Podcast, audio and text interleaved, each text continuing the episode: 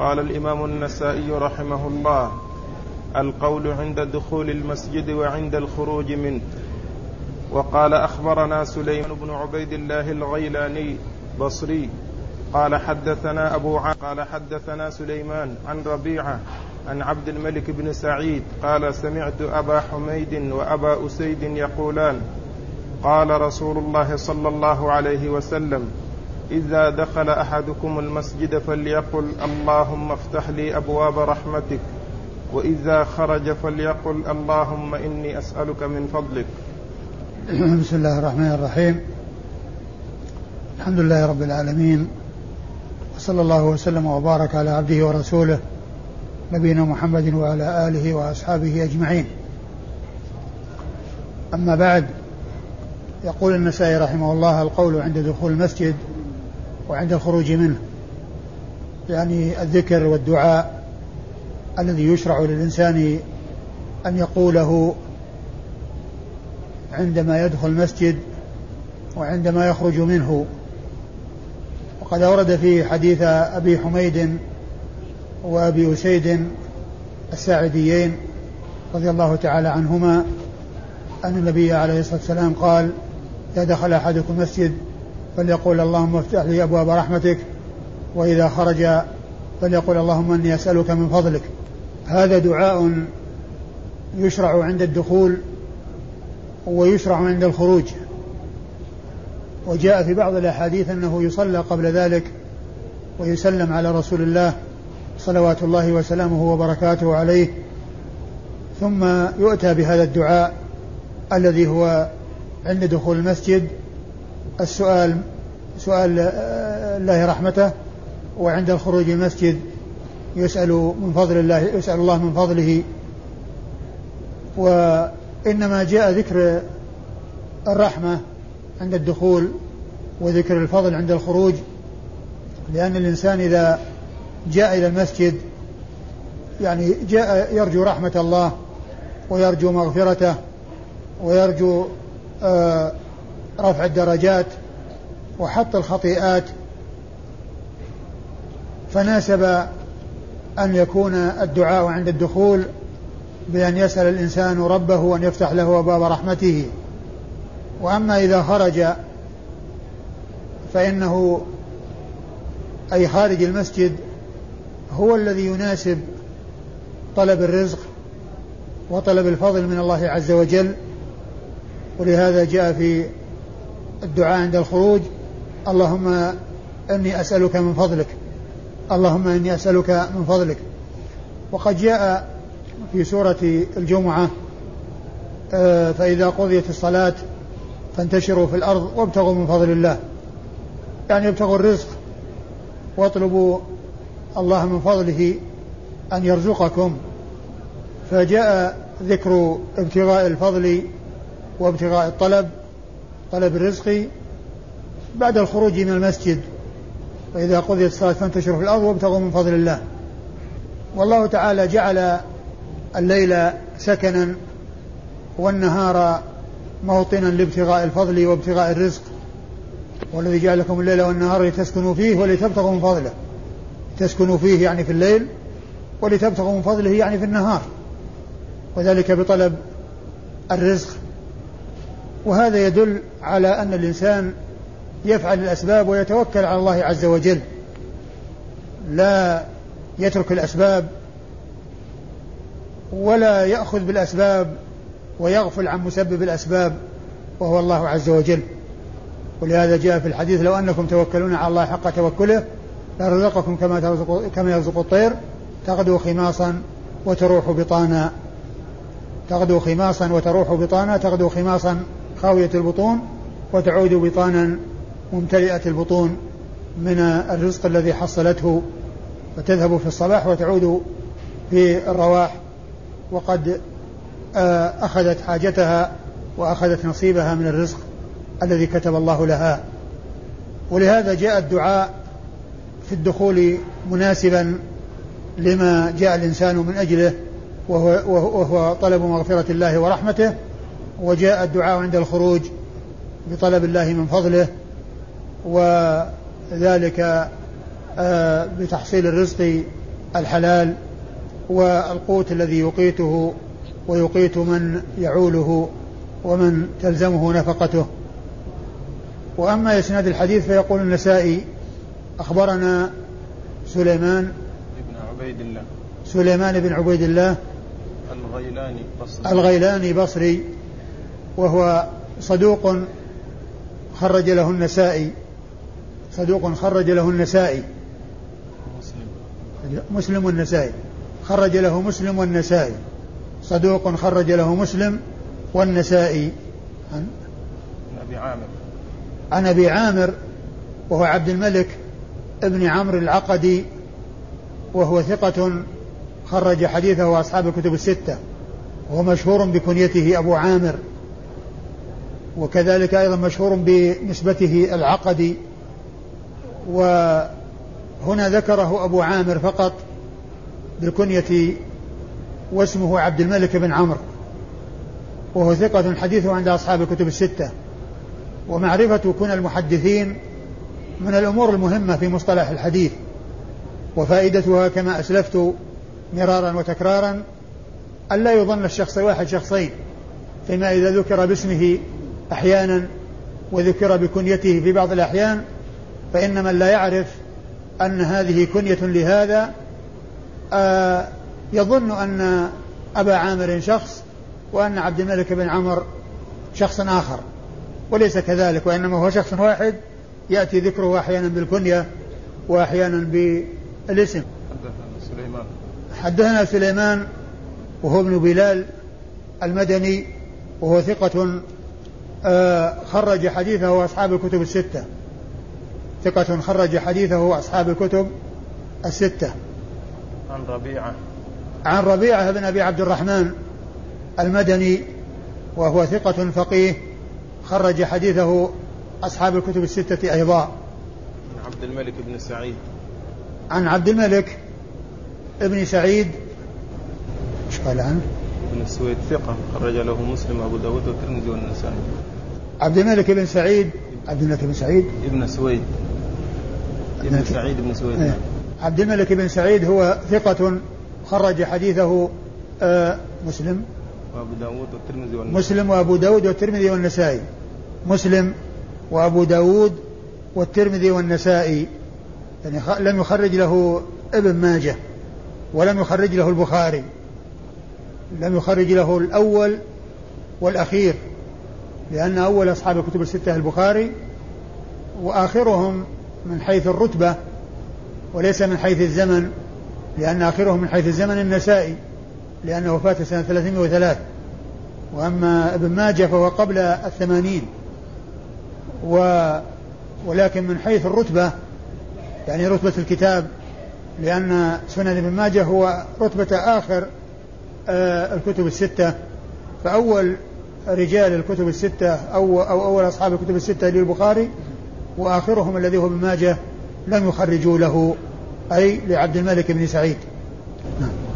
قال سمعت أبا حميد وأبا أسيد. قال سمعت أبا حميد وأبا أسيد. هما صحابيان مشهوران بكنيتيهما أبو سعيد أبو حميد وأبو أسيد. وهما ساعديان.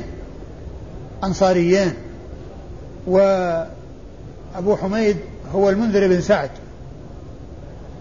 وحديثه عند أصحاب الكتب الستة. خرجه أصحاب الكتب الستة.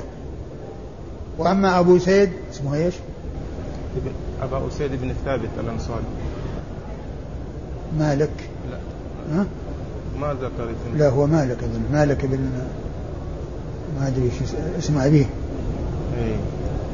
وعندي أبا أسيد بن ثابت الأنصاري المدني. ها؟ أبا أس... أبو أسيد بن ثابت هكذا. اسمه. أظن اسمه مالك. مالك. مين أبو سيد لعله مالك بن المنذر. لعله مالك بن المنذر. أو مالك بن هكذا. في ال- في التقريب أبو أسيد بن ثابت. أبو سيد بن ثابت.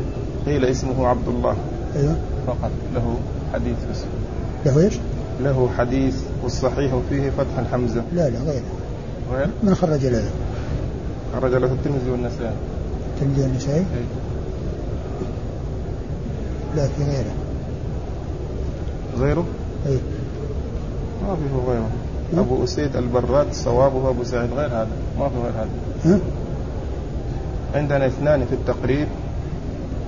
أولهما أبو أبو أسيد أو أبو أسيد بن ثابت الأنصاري المدني الصحابي. قيل اسمه عبد الله. له حديث. والصحيح فيه فتح الحمزة. قاله الدار قطني. روى له روى له الترمذي والنسائي. تلميذ النسائي ما في صحابي آخر اسمه. أبو. نعم. أبو أسيد. نعم. الساعدي بضم أوله. مالك. بن ربيعة؟ مالك بن ربيعة. هذا هو. مالك بن ربيعة. هذا هو؟ هذا هو الساعدي. نعم. أبو سيد الساعدي وأبو وأبو حميد الساعدي كلهما ساعديان. ستة. أبو سيد الساعدي نعم. و- وهو مالك بن ربيعة. مالك بن ربيعة وحديثه عند أصحاب الكتب الستة. أيوه. نعم. اللي بعده قال الأمر بالصلاة قبل الجلوس فيه. وقال أخبرنا قتيبة قال حدثنا مالك عن عامر بن عبد الله بن الزبير عن عمرو بن سليم عن أبي قتادة رضي الله عنه أن رسول الله صلى الله عليه وسلم قال إذا دخل أحدكم المسجد فليركع ركعتين قبل أن يجلس. ثم أورد النسائي هذه الترجمة وهي آه الصلاة في المسجد الصلاة. الأمر بالصلاة قبل الجلوس الأمر بالصلاة قبل الجلوس فيه أي في المسجد. الأمر بالصلاة قبل الجلوس فيه أي في المسجد. وهي التي ت- تسمى تحية المسجد. أورد في حديث أبي قتادة الأنصاري رضي الله تعالى عنه أن النبي صلى الله عليه وسلم قال إذا دخل أحدكم المسجد فليركع ركعتين قبل أن يجلس. فليركع, فليركع ركعتين قبل أن يجلس. وهذا وهو دال على ما ترجم له المصنف من من جهة الأمر ومشروعية آه، الصلاة فيه قبل أن يجلس الداخل فيه إذا كان يريد الجلوس. فإنه لا يجلس إلا وقد صلى ركعتين. وقد جاء في بعض الروايات فلا يجلس حتى يصلي ركعتين فلا يجلس حتى يصلي ركعتين نهيا عن الجلوس إلا بعد أن يحصل منه أداء ركعتين. وهذا فيما إذا دخل في غير وقت إقامة الصلاة. أما إذا كانت الصلاة مقامة فإنه يدخل في الصلاة وهي تعتبر تحية المسجد وهي تعتبر تحية المسجد. وإنما الكلام أو المراد بكون يصلي ركعتين إذا جاء في غير وقت الصلاة. إذا جاء في غير وقت إقامة الصلاة. فإنه يصلي ركعتين التي هي تحية المسجد. وقوله فليركع ركعتين آه، لا لا مفهوم لهما من حيث الزيادة. فإن من أراد أن يزيد وأن يصلي أكثر من ركعتين يعني يصلي ركعتين ثم ركعتين ثم ركعتين إذا جاء في وقت مناسب فإنه لا بأس بذلك وإنما المقصود هنا بيان الحد الأدنى الذي هو كونه يعني يصلي ركعتين. وأيضا وأيضا كذلك مفهومه أنه لا يصلي أقل من ركعتين فلا يتنفل بركعة واحدة لأن التنفل والنوافل أقلها ركعتان والركعة الواحدة إنما هي في الوتر التي آخر صلاة الليل. فقوله ركعتين لا مفهوم له من حيث الزيادة بل يجوز الإنسان يزيد ولكن له مفهوم من حيث النقص. فإنه لا يجوز الإنسان أن يصلي أن يتنفل بركعة واحدة إذا دخل المسجد. لأن لأن النافلة والتنفل إنما يكون بركعتين على الأقل. وأما ركعة الواحدة فإنه لا يتنفل بها وحدها وإنما يؤتى بها في آه الوتر الذي هو آخر صلاة الليل ركعة واحدة. يأتي بها ركعة واحدة. وأما كونه يتنفل بركعة واحدة فإن ذلك لا يسوء ثم إن إطلاق الحديث وعمومه يدل على أن الإنسان إذا دخل المسجد يصلي مطلقا ولو كان في أوقات النهي ولو كان في أوقات الكراهة. وبهذا الحديث وبعموم هذا الحديث استدل من قال بأنه يصلي في جميع الأوقات إذا دخل المسجد حتى بعد العصر وبعد الفجر لأن عموم لأن عموم الحديث شامل لجميع الأوقات. لأنه قال إذا دخل أحدكم مسجد يعني في أي وقت. يعني هذا مفهوم الحديث. وبعض العلماء قال إن أوقات النهي لا يصلي فيها الإنسان تحية المسجد أخذا بما جاء من في عموم النهي في قوله صلى الله عليه وسلم لا صلاة بعد العصر حتى تغرب الشمس ولا صلاة بعد الفجر حتى تطلع الشمس. وقالوا إن هذا مخصوص بهذا. والعلماء اختلفوا منهم من أخذ بما جاء في حديث أبي قتادة هذا من أن الإنسان يصلي فأخذ بعمومه حتى في أوقات النهي ومن العلماء من أخذ بعموم لا صلاة بعد العصر حتى تغرب الشمس ولا صلاة بعد الفجر حتى تطلع الشمس وقال إن هذا عام في جميع الصلوات. فلا يستثنى من ذلك إلا ما دل عليه دليل يدل على استثنائه مثل قضاء الفوائد صلوات الفائتة المفروضة التي فاتت الإنسان ونام عنها أو نسيها فإنه إذا استيقظ أو ذكر صلاها ولا يؤخرها عن ذلك الوقت الذي ذكرها فيه ولو كان وقت النهي. وكذلك مثل صلاة الجنازة وغيرها من الصلوات التي ورد فيها شيء يخصها. أما ما عدا ذلك فإنه يكون باقيا على عمومه. والذي يظهر في في المسألة أن الأمر في ذلك واسع. فمن دخل وصلى لا ينكر عليه ومن دخل وجلس لا ينكر عليه. لأن عموم قوله إذا دخل أحدكم مسجد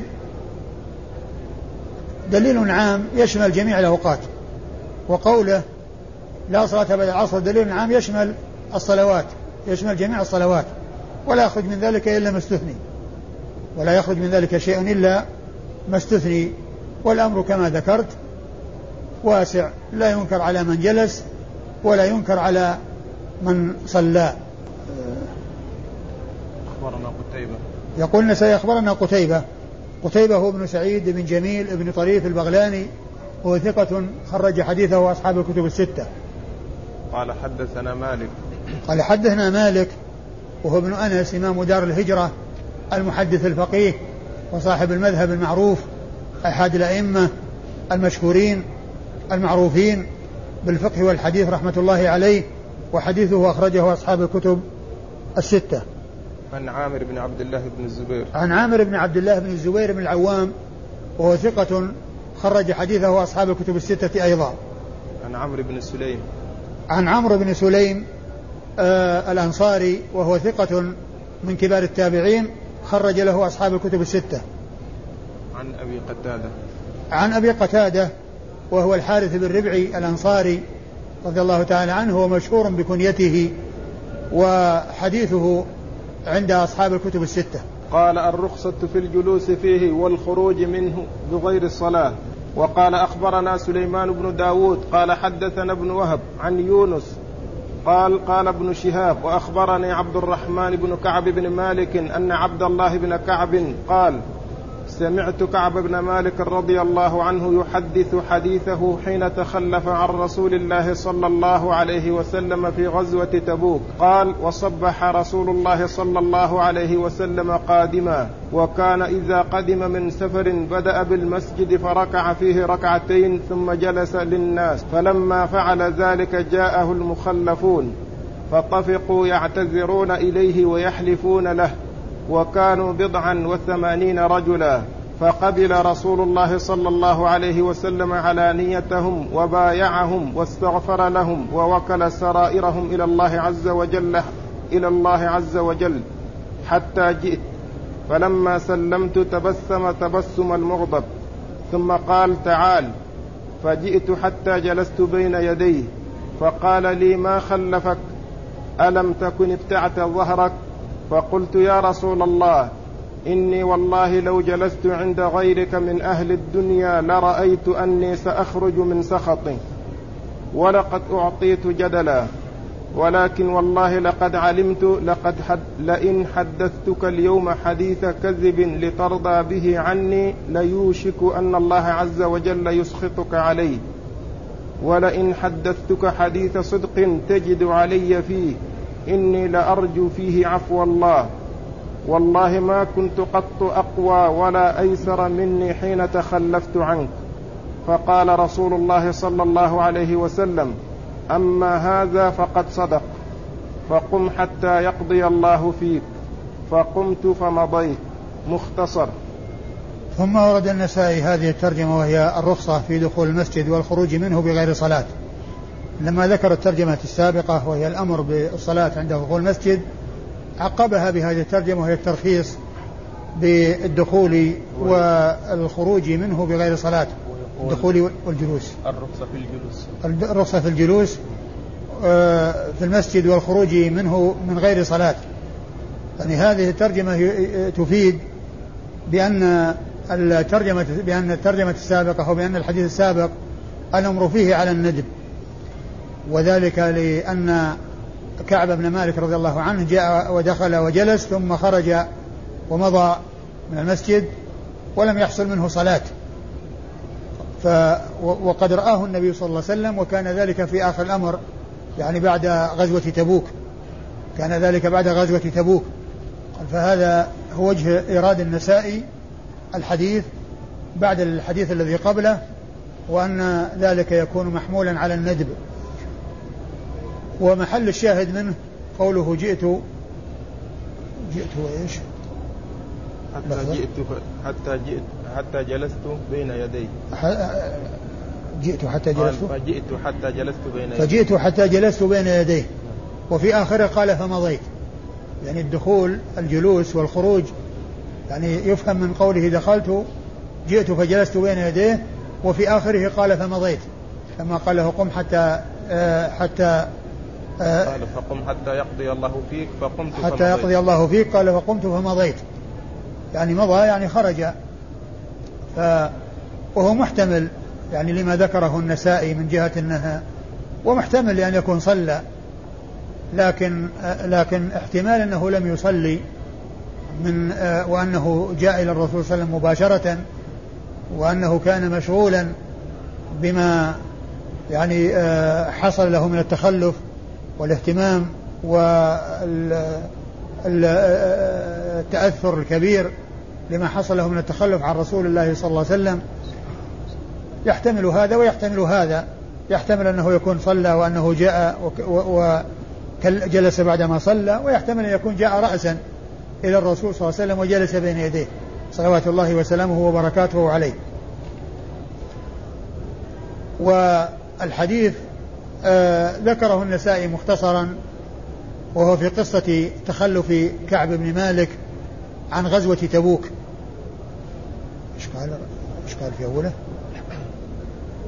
قال عبد الله بن كعب سمعت كعب بن مالك يحدث حديثه حين تخلف عن رسول الله صلى الله عليه وسلم في غزوة تبوك نعم. قال وصبح رسول الله صلى الله عليه وسلم قادما وكان إذا قدم من سفر بدأ بالمسجد فركع فيه ركعتين ثم جلس للناس. وصبح قادما يعني جاء في وقت الصباح قادما من تبوك. وكان إذا دخل إذا جاء أو إذا قدم بدأ بالمسجد فصلى فيه ركعتين. ثم جلس للناس ليستقبلهم وليسلمون عليه عند قدومه صلوات الله وسلامه وبركاته عليه. وهذا فيه دليل على استحباب البدء بالمسجد عند القدوم من السفر. وهذه من السنن التي التي هجرها الناس أو التي يقال فيها أنها هجرها الناس. لأن كون كون المسافر إذا جاء يأتي إلى المسجد رأسا هذا مما هجره الناس ولم يفعله الناس. وكان هديه صلى الله عليه وسلم كما جاء في حديث كعب بن مالك أنه كان إذا قدم بدأ بالمسجد فصلى فيه ركعتين. بدأ في المسجد فصلى فيه ركعتين. وهذا كما ذكرت من الأمثلة التي يقال فيها أنها من السنن التي هجرها كثير من الناس. إيش؟ قال كعب فلما فعل ذلك جاءه المخلفون. فلما فعل ذلك يعني جلس يعني جاءه المخلفون جاءه المخلفون الذين تخلفوا وكانوا بضعا و... وسبعين وثمانين. بضعا وثمانين. و يعني جلهم من المنافقين. فجاءوا واعتذروا إليه وقبل أعذارهم ووكل سرائرهم إلى الله عز وجل. وهذا يدل على أن الرسول صلى الله عليه وسلم لا يعلم الغيب. لا يعلم من الغيب إلا ما أطلعه الله عليه. لأن كونه قبل منهم ووكل سرائرهم يعني أمر سرائرهم وما في سرائرهم إلى الله عز وجل. فلو كان يعلم الغيب وكان آه، آه، محيطا بعلم الغيب لقال يعني عندما جاءوا يعتذرون إليه آه، ليس الأمر كذلك أنت كذا وأنت كذا وأنت كذا وأنت كذا إلى آخره. لكنه كما قال كعب مالك رضي الله عنه قبل منهم وترك ووكل سرائرهم إلى الله عز وجل. أخذ بظاهرهم وبكلامهم ووكل ما في قلوبهم وما في نفوسهم إلى الله سبحانه وتعالى الذي يعلم السر وأخفى والذي لا يخفى عليه خافية في الأرض ولا في السماء. وعلم الغيب على الإطلاق هو من خصائص الله عز وجل. لا يشارك الله عز وجل في علم الغيب أحد. في علم الغيب على الإطلاق ولا يعلم أحد من الغيب إلا ما أطلعه الله عز وجل عليه. وما شاء الله عز وجل إخفاءه عليه فإنه يكون خافيا ولا يعلمه إلا هو سبحانه وتعالى. ويقول الله عز وجل قل لا يعلم من في السماوات والأرض الغيب إلا الله. الله تعالى هو هو الذي يعلم الغيب ومن في السماوات والأرض لا يعلمون الغيب على الإطلاق. ولكن من شاء الله تعالى أن يطلعه على شيء من الغيب أطلعه عليه. ولهذا قال عالم الغيب فلا يثر على غيبه أحدا إلا من ارتضى من رسول. فإنه يسلك من بين يديه ومن خلفه رصدا. وقد جاء في القرآن الكريم أمر الله عز وجل له أن يقول أنه, أنه يقول إنه لا يعلم الغيب. قل لا أقول لكم عندي خزائن الله ولا أعلم الغيب. قل لا أقول لكم عندي خزائن الله ولا أعلم الغيب. وقال ولو كنت أعلم الغيب لاستكثرت من الخير وما مسني السوء. فالرسول صلى الله عليه وسلم آه كما جاء في القرآن وكما جاء في السنة لا يعلم الغيب وإنما يعلم من الغيب ما أطلعه الله عز وجل عليه. وقد وقد جاء في السنة النصوص الكثيرة الدالة على على هذا. ومنها قصة الإفك. عائشة أم المؤمنين رضي الله عنها لما رميت بالإفك الرسول ما كان يعلم الحقيقة وما كان يدري عن الحقيقة والواقع.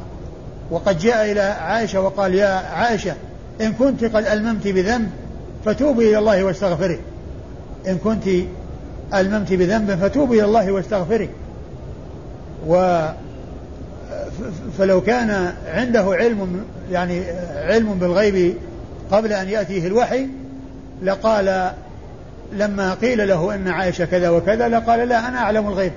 ما حصل منها هذا الشيء. ولكنه يعني بقي مدة. وقد حصل لها ما حصل من, من, من, من, من, من الألم والحزن والمرض والشدة وكذلك حصل له من الحزن ومن التأثر لما رميت به عائشة رضي الله عنها وأرضاها. ولو كان يعلم الغيب ما حصل شيء من ذلك. من أول الأمر يقول أنا أعلم الغيب وأنه ما حصل شيء. الذين تقولونه الذين تقولونه كذب. لكنه انتظر حتى نزل الوحي ونزلت آيات تتلى في سورة النور في براءتها. ومن ذلك أيضا ما حصل في بعض الأسفار عندما فرض التيمم عندما شرع للناس أن يتيمموا إذا لم يوجد الماء فإنهم كانوا فإنها فقدت عقدا لها وجلسوا في انتظاره وذهب الناس يبحثون عنه وجلسوا ليس معهم ماء حتى تأثروا وتألموا من ذلك الجلوس. وجاء أبو بكر مغضبا على عائشة التي كانت سببا في هذا الجلوس. ثم إنهم ما وجدوا العقد وأرادوا أن يذهبوا وقد فقدوه. فلما أثاروا الإبل وإذا العقد تحت الجمل الذي تركب عليه عائشة. فلو كان النبي صلى الله عليه وسلم يعلم الغيب لأخرجوا العقد من تحت الجمل من أول وهلة ولم يحتاج الأمر لأنهم آه، يبحثون ويجلسون هذه المدة ليطلبوا هذا العقد آه الذي فقدته أم المؤمنين عائشة رضي الله عنها وأرضاها. فنصوص الكتاب والسنة متضافرة على آه عدم علم الرسول صلى الله عليه وسلم للغيب إلا ما أطلعه الله عز وجل عليه. وليس هذا نقصا في حقه صلوات الله وسلامه وبركاته عليه لأن الكمال المطلق هو لله عز وجل الذي آه لا يخفى عليه خافية في الأرض ولا في السماء. وأما الرسول الكريم صلوات الله وسلامه وبركاته عليه فقد أكرمه الله بما أكرمه به من الوحي وأكرمه بما أكرمه به مما أطلعه على الأمور المغيبة لكن ليس مطلعا على كل غيب ولم يكن مطلعا على كل غيب وليس هذا وليس في ذلك نقصا في حقه نقص في حقه صلوات الله وسلامه وبركاته عليه. فالرسول هو أكمل الناس والكمال الإنساني آآ آه، آآ آه، له له منه الحظ الأوفر والنصيب الأكبر عليه أفضل الصلاة والسلام. ومن الأمور التي لا يعلمها قيام الساعة متى تقوم الساعة؟ فإنه لا يعلم متى تقوم الساعة وعلمها عند الله عز وجل. قد جاءت ال ال ال الآيات والأحاديث دالة على نفي آه، علمه بها وإضافة علمها إلى الله سبحانه وتعالى. وهذا الحديث الذي معنا هو من من من هذا القبيل ومن هذه الأدلة ومن جملة الأدلة الكثيرة التي تدل على عدم علمه بالمغيبات. إلا ما أطلعه الله عز وجل عليه عليه الصلاة والسلام. أيوه. قال كعب رضي الله عنه فلما فعل ذلك جاءه المخلفون فاتفقوا يعتذرون إليه ويحلفون له وكانوا بضعا وثمانين رجلا. فقبل رسول الله صلى الله عليه وسلم علانيتهم وبايعهم واستغفر لهم ووكل سرائرهم إلى الله عز وجل. حتى جئت فلما سلمت تبسم تبسم المغضب. ثم قال تعال. فجئت حتى جلست بين يديه. فقال لي ما خلفك؟ ألم تكن ابتعت ظهرك؟ فقلت يا رسول فلما الله. جئت فلما جئت تبسم تبسما مغضب يعني لما رآه رسول الله عليه الصلاة والسلام تبسم تبسم المغضب. وكان قد علم بتخلفه وكان فقده في تبوك. لأنه سأل عنه قال أين كعب بن مالك؟ فلم يجدوه ولم يكن في الجيش. ولما جاء إلى الرسول صلى الله عليه وسلم تبسم تبسم المغضب يعني تبسم تبسما ولكن يظهر منه الغضب عليه الصلاة والسلام. فقال تعال. فجاء وجلس بين يديه. فقال ما خلفك؟ أما أبدعت ظهرك؟ يعني أنت ما اشتريت ظهرا ابتعت يعني ما اشتريت ظهرا يعني بعيرا يركبه. يعني أما ابتعت ظهرك يعني أما اشتريت يعني ظهرك أي البعير الذي تركب عليه والذي آه، تغزو عليه وتجاهد في سبيل الله عليه. أيوه. قال فقلت يا رسول الله إني والله لو جلست عند غيرك من أهل الدنيا لرأيت أني سأخرج من سخطي. ولقد أعطيت جدلا. ولكن والله لقد علمت لئن حدثتك اليوم حديث كذب لترضى به عني ليوشك أن الله عز وجل يسخطك عليه.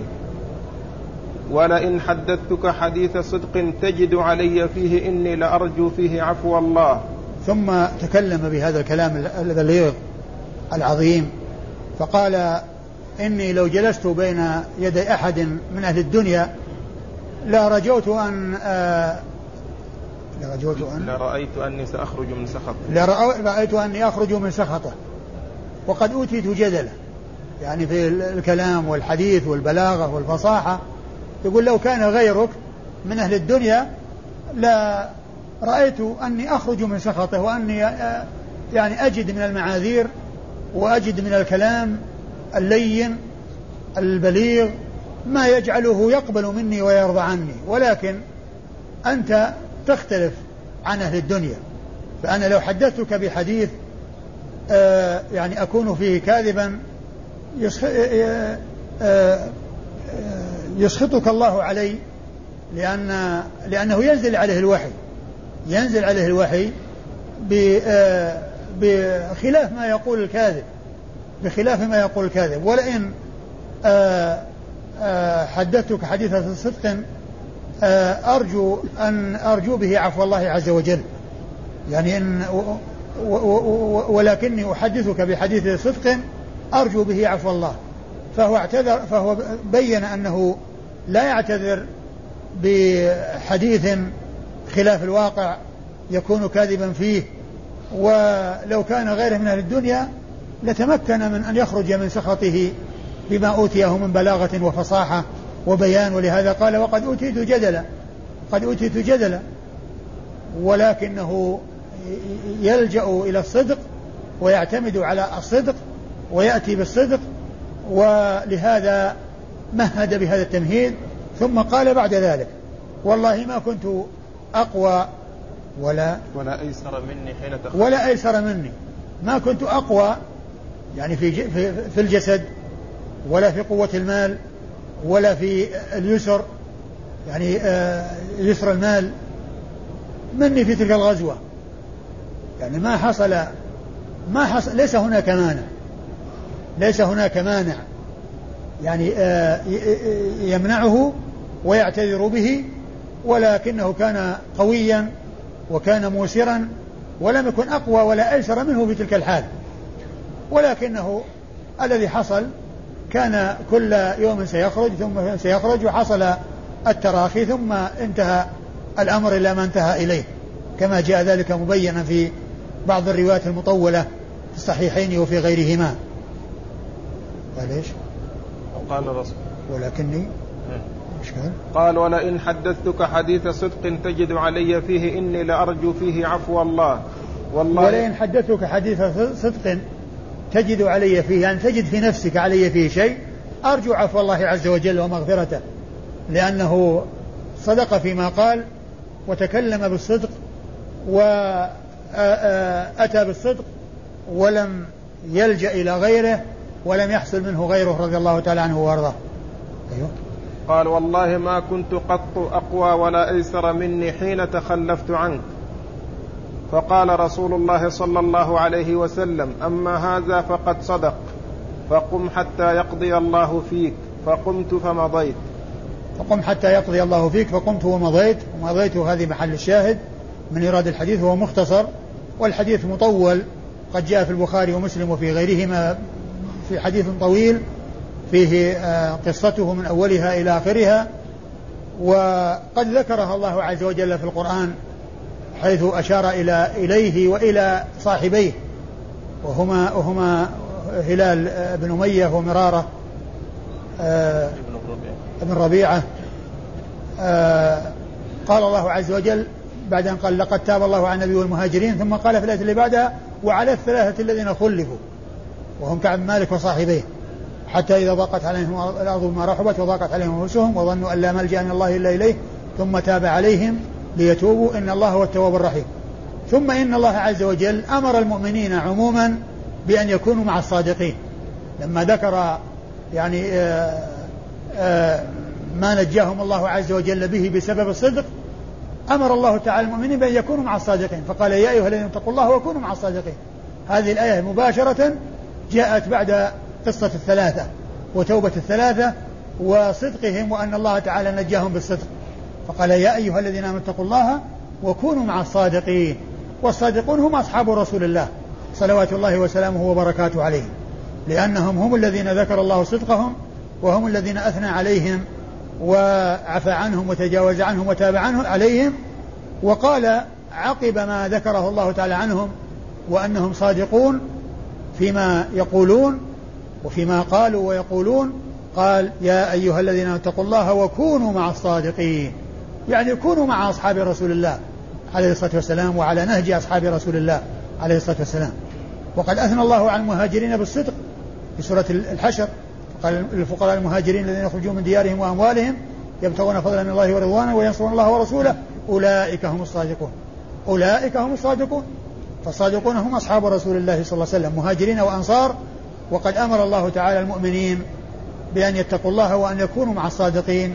يعني مع أصحاب رسول الله عليه الصلاة والسلام وعلى طريقتهم وعلى نهجهم وفي هذا دليل على فضل الصدق وعلى آه، آه، نتائج آه، عواقبه الطيبة ونتائجه الحميدة فإن هؤلاء الثلاثة الذين صدقوا والذين ما تكلموا إلا بصدق الله تعالى أنجاهم بصدقهم رضي الله تعالى عنهم وأرضاهم. قال أخبرنا سليمان بن داود. يقول النسائي أخبرنا سليمان بن داود وهو المصري. أبو الربيع المصري وهو ثقة خرج له النسائي. أبو داود النسائي خرج له أبو داود والنسائي. أيوه. حدثنا ابن وهب. حدثنا ابن وهب وهو عبد الله بن وهب المصري. وهو ثقة خرج حديثه أصحاب الكتب الستة. عن يونس. عن يونس بن يزيد الأيلي. وهو ثقة خرج حديثه أصحاب الكتب الستة. عن ابن شهاب. عن ابن شهاب وهو محمد بن مسلم بن عبد الله بن عبيد الله ابن الحارث ابن شهاب آه، وقد مر ذكره كثيرا وهو من الفقهاء المحدثين ومن المكثرين من رواية حديث رسول الله صلى الله عليه وسلم وحديثه عند أصحاب الكتب الستة. عن عبد الرحمن بن كعب بن مالك. عن عبد الرحمن بن كعب بن مالك وهو ثقة خرج حديثه أصحاب الكتب الستة. عن أخيه عبد الله بن كعب. عن كعب بن مالك وهو ثقة أيضا. عن عبد الله بن كعب. عن عبد الله بن كعب بن مالك وهو ثقة أيضا. خرج حديثه البخاري آه البخاري ومسلم و أبو داود والنسائي. وأبو داود والنسائي. يعني ما خرج له الترمذي ولا ابن ماجه. خرج له البخاري ومسلم وأبو داود والنسائي. ولم يخرج له الترمذي ولا ابن ماجه. عن كعب بن مالك الأنصاري السلمي آآ آآ آآ وهو وحديثه عند أصحاب الكتب الستة.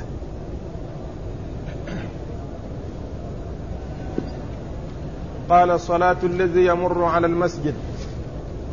وقال أخبرنا محمد بن عبد الله بن عبد الحكم بن أعين. قال حدثنا شعيب قال حدثنا الليث قال حدثنا خالد عن ابن أبي هلال. قال أخبرني مروان بن عثمان أن عبيد بن حنين أخبره عن أبي سعيد بن المعلى رضي الله عنه قال كنا نغدو إلى السوق على عهد رسول الله صلى الله عليه وسلم فنمر على المسجد فنصلي فيه. ثم ورد النسائي صلاة المار صلاة. صلاة الذي يمر على المسجد. صلاة الذي يمر على المسجد يعني كل إنسان يعني يمر بمسجد ثم يدخل ويصلي فيه. ولم يكن قاصدا آه، ذلك من بيته آه هذا هو المقصود من الترجمة. يعني يمر في المسجد فيدخله ويصلي فيه. ولا شك أن أن من دخل المسجد وصلى فيه فهو على خير.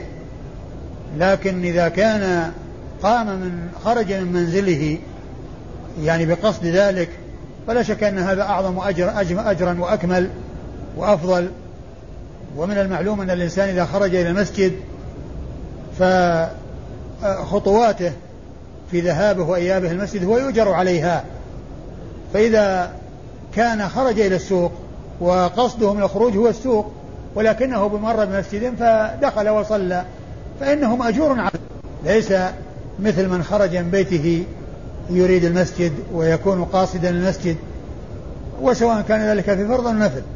فالإنسان الذي يكون في بيته ويخرج من المسجد يخرج من بيته ذاهبا إلى المسجد آه ليس مثل الذي يكون في السوق ثم يأتي وقت الصلاة فيدخل المسجد.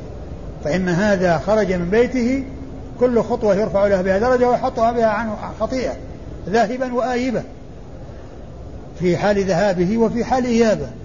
أما إذا ذهب إلى السوق أما إذا ذهب إلى السوق وذهب إلى السوق فإنه لا يحصل له هذا الأجر ولكنه إذا جاء وقت الصلاة ودخل وصلى أدى ما عليه من الفرض وإذا كذلك لو مر به ودخل وصلى نافلة فإنه مأجور على ما حصل لكن من خرج من بيته يريد الصلاة أو آه، قاصد المسجد فإنه يكون مأجورا على ذلك أعظم من من أجر هذا الذي ما حصل منه القصد من البداية وإنما طرأ عليه الدخول بعدما مر المسجد وبعد ما رآه. و آه، وإيش الحديث؟ أخبرنا محمد بن عبد الله بن عبد الحكم. أخبرنا محمد بن عبد الله بن عبد الحكم بن أعين وهو بصري. أي المصري الفقيه أه؟ مصري فقيه ثقة. بصري. مصري. مصري؟ هنا إشكال هنا. حسب بن أعين؟ بس كذا؟ ما نسبة. لا. وهو مصري وهو, وهو مصري فقيه. خرج حديثه. النسائي وحده. خرج حديثه النسائي وحده. محمد بن عبد الله بن عبد الحكم بن أعين المصري الفقيه الثقة. خرج حديثه النسائي وحده. وهذا كما ذكرت سابقا في حديث مضى قريبا أو في إسناد مضى قريبا أن التلميذ إذا أراد أن ينسب شيخه ينسبه كما يريد. يطول في نسبه أو يقصر الكلام كلامه. لكن من دونه لا يزيد في نسب شيخ شيخه أكثر مما ذكر شيخه أو كان فوق ذلك. وإنما إذا أراد أن يزيد شيئا يوضح يأتي بهو أو بيعني هو ابن فلان أو يعني فلان الفلاني أو ما إلى ذلك. وهنا النسائي نسبه فقال محمد بن عبد الله بن عبد الحكم بن أعيد فأطال في نسبه.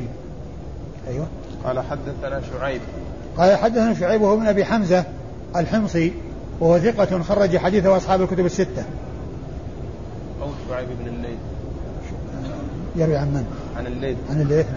نعم يروي عن الليث وهو شعيب بن الليث. آه، يروي عن أبيه. يروي عن أبيه شعيب شعيب بن الليث بن سعد. آه، وهو وهو ثقة نبيل فقيه خرج ثقة له. نبيل فقيه نعم. فقيه خرج له. مسلم أبو داود والنسائي. خرج له مسلم وأبو داود والنسائي. خرج له مسلم وأبو داود والنسائي. وهو في طبقة شعيب بن أبي حمزة إلا أنه إذا جاء يعني آه، شعيب يروي عن الليث فالمراد به ابنه وهو من رواية الأبناء عن الآباء. من رواية الأبناء عن الآباء. أيوه. حدثنا الليث. حدثنا الليث بن سعد المصري ال- الثقة الفقيه المحدث آه، حديثه عند أصحاب الكتب الستة. قال حدثنا خالد. قال حدثنا خالد بن يزيد المصري وهو صدوق خرج له أصحاب الكتب الستة.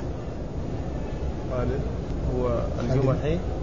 نعم هو ها؟ ثق- ثقة فقيه. ثقة فقيه؟ نعم خرج له الجماعة. آه ثقة فقيه خرج له الجماعة. ثقة فقيه خرج له الجماعة. عن ابن أبي هلال. عن ابن أبي هلال وهو سعيد. سعيد بن أبي هلال آه الليث؟ الليث. صدوق. صدوق خرج له الجماعة. خرج له الجماعة؟ نعم. نعم. صدوق خرج له الجماعة. سعيد بن أبي هلال الليثي صدوق خرج له أصحاب الكتب الستة. نعم. قال أخبرني مروان بن عثمان. قال أخبرني مروان بن عثمان بن أبي سعيد وهو ضعيف. نعم. خرج له البخاري في الأدب. أخرج له البخاري في الأدب المفرد والنسائي. أخرج له البخاري في الأدب المفرد والنسائي. أن عبيد بن حنين أخبره. أن عبد الله بن حنين عبيد بن حنين أخبره وهو ثقة قليل الحديث أخرج له أصحاب الكتب الستة. نعم. أخرج له أصحاب الكتب الستة. عن أبي سعيد بن المعلى. عن أبي سعيد بن المعلى الأنصاري واسمه رافع وحديثه أخرجه البخاري وأبو داود والترمذي والنسائي. أبو داود الترمذي؟ والنسائي وابن ماجه. أخرج أبو داود والنسائي وابن ماجه. ما خرج له مسلم ولا خرج له آه، الترمذي. وما خرج له الترمذي. وإسناد الحديث ضعيف لأن فيه مروان بن عثمان بن أبي سعيد وهو ضعيف لكن آه كما هو معلوم آه معناه يعني من حيث أن الإنسان إذا دخل المسجد سواء كان قاصدا من بيته أو من غير بيته فلا شك أنه مأجور على صلاته ومثاب في صلاته إذا دخل المسجد وصلى في أي وقت يأتي إلى المسجد ولكن فرق بين من يكون قاصدا وخارجا من منزله يريد المسجد وبين من يكون آه، طرأ عليه ذلك أو تذكر ذلك. مثل الإنسان الذي آه، يأتي مثلا بسيارته مار إلى مسجد قباء فيرى مسجد قباء فيتذكر ويقول صلي. يصلي يؤجر على هذا لكن ليس مثل الذي تطهر في بيته وخرج يريد الصلاة والذي قال عنه الرسول أنه كان له كع... كان كعدل عمرة يعني إذا تطهر في بيته وخرج يريد الصلاة. لكن الإنسان إذا ما رأى المسجد ودخل وصلى لا شك أنه على خير والإسناد آه ضعيف لضعف مروان بن عثمان. والله أعلم وصلى الله وسلم وبارك على عبده ورسوله نبينا محمد وعلى آله وأصحابه أجمعين.